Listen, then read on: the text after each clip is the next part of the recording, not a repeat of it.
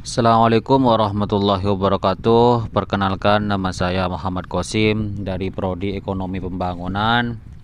NIM 182300116 Pada kesempatan kali ini saya akan menjawab soal yang kedua Yakni Jelaskan dengan baik dan rincikan gambar di samping 2.1 Dan yang kedua jelaskan dengan baik du gambar di samping dengan titik 2.2 dan pertanyaan yang ketiga. Menurut yang saya baca atau yang saya pahami dari gambar tersebut yang di samping yang pertama yakni tentang otonomi daerah di Indonesia. Istilah otonomi berasal dari bahasa Yunani otos yang berarti sendiri dan namos yang berarti undang-undang. Jadi otonomi daerah adalah hak wewenang dan kewajiban daerah otonom untuk mengatur dan mengurus sendiri urusan pemerintah dan kementerian masyarakat setempat.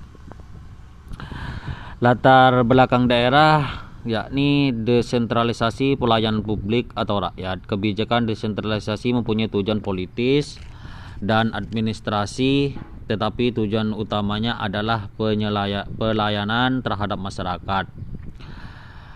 Penyelenggaraan desentralisasi di Indonesia berpusat pada pembentukan daerah, daerah otonom dan penyerahan atau perlimpahan sebagai kekuasaan dan kewenangan. Harapan untuk otonom daerah yakni semoga ke depannya bisa menciptakan kemampuan masyarakat untuk merespon dinamika kehidupan di sekitarnya. Dan anggapan saya atau pertanyaan saya untuk otonom daerah yang pertama bagaimana pandang dinamika dari sisi politik? Yang kedua bagaimana cara mengetahui sejauh mana arah dan sasaran suatu daerah dalam menuju suatu daerah yang otonom? Yang ketiga bagaimana cara mengetahui masalah-masalah yang menjadi wewenang atau acuan program suatu daerah dan meningkatkan produktivitas dalam bidang tertentu Mungkin ini yang bisa saya jawab dari soal yang kedua. Kurang kurang lebihnya mohon maaf. Jika ada kesalahan itu murni dari saya, jika ada kebenaran itu Allah Subhanahu wa taala.